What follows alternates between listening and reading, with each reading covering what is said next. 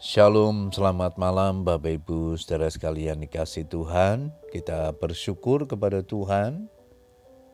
Sepanjang hari ini Tuhan sudah menyertai kehidupan kita.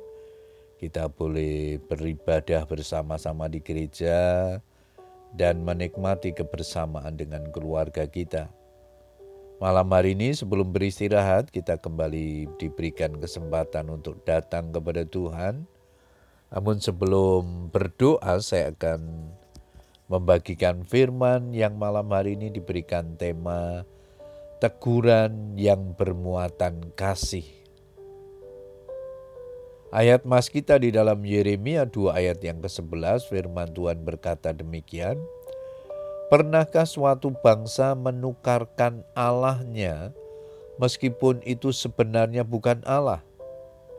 Tetapi umatku menukarkan kemuliaannya dengan apa yang tidak berguna. Yeremia diperintahkan Tuhan menegur umat Israel yang telah meninggalkan kasihnya yang mula-mula kepada Tuhan dan berpaling kepada Allah lain. Dengan keberanian ilahi, Yeremia melangkah maju mengerjakan perintah Tuhan kepadanya meski ada harga yang harus dibayar, yaitu dimusuhi, dijauhi, dicibir, dilawan, dan ditentang oleh orang-orang sebangsanya, termasuk para kerabat dan orang-orang yang ada di kampung halamannya. Orang-orang Anatot yang ingin mencabut nyawaku dengan mengatakan, Janganlah bernubuat demi nama Tuhan, supaya jangan engkau mati oleh tangan kami. Yeremia 11 ayat 21. Raja sangat marah kepada Yeremia yang dengan terang-terangan mengecam dan menelanjangi dosa-dosa bangsanya. Karena memberitakan kebenaran Tuhan, Yeremia harus mengalami tekanan dan nyawa pun terancam. Namun ia tidak menyerah, terus maju dan tetap setia mengerjakan tugas yang dipercayakan Tuhan kepadanya. Di balik teguran kerasnya kepada orang Israel, hati Yeremia sebenarnya hancur dan penuh kasih. Ia mencucur kain air mata, berduka cita karena kejahatan mereka. Dalam Yeremia 4 ayat yang ke-19 di sana dikatakan, Aduh dadaku, dadaku, aku menggeliat sakit Aduh dinding jantungku, jantungku berdebar-debar. Aku tidak dapat berdiam diri sebab aku mendengar bunyi sangkakala, pekik perang.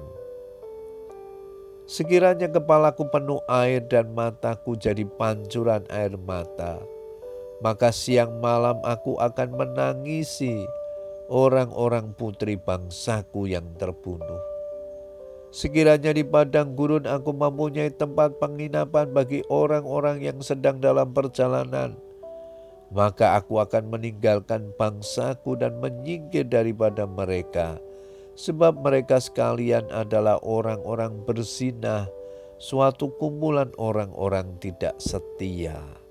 Yeremia 9 ayat 1 dan 2. Ayat-ayat ini jelas menandakan bahwa dengan landasan kasih, Yeremia menegur dan memperingatkan bangsanya. Tujuannya supaya mereka sadar atas kesalahannya dan segera bertobat kembali ke jalan Tuhan yang benar. Bapak Ibu saudara sekalian, bersikap tegas dan tidak kompromi dengan dosa adalah sikap yang harus dimiliki setiap orang percaya.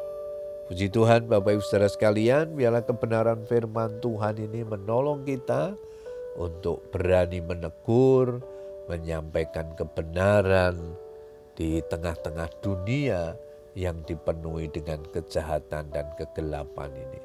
Kiranya Roh Kudus menolong dan menyertai kita. Selamat berdoa dengan keluarga kita, tetap semangat berdoa. Tuhan Yesus memberkati kita semua. Amen.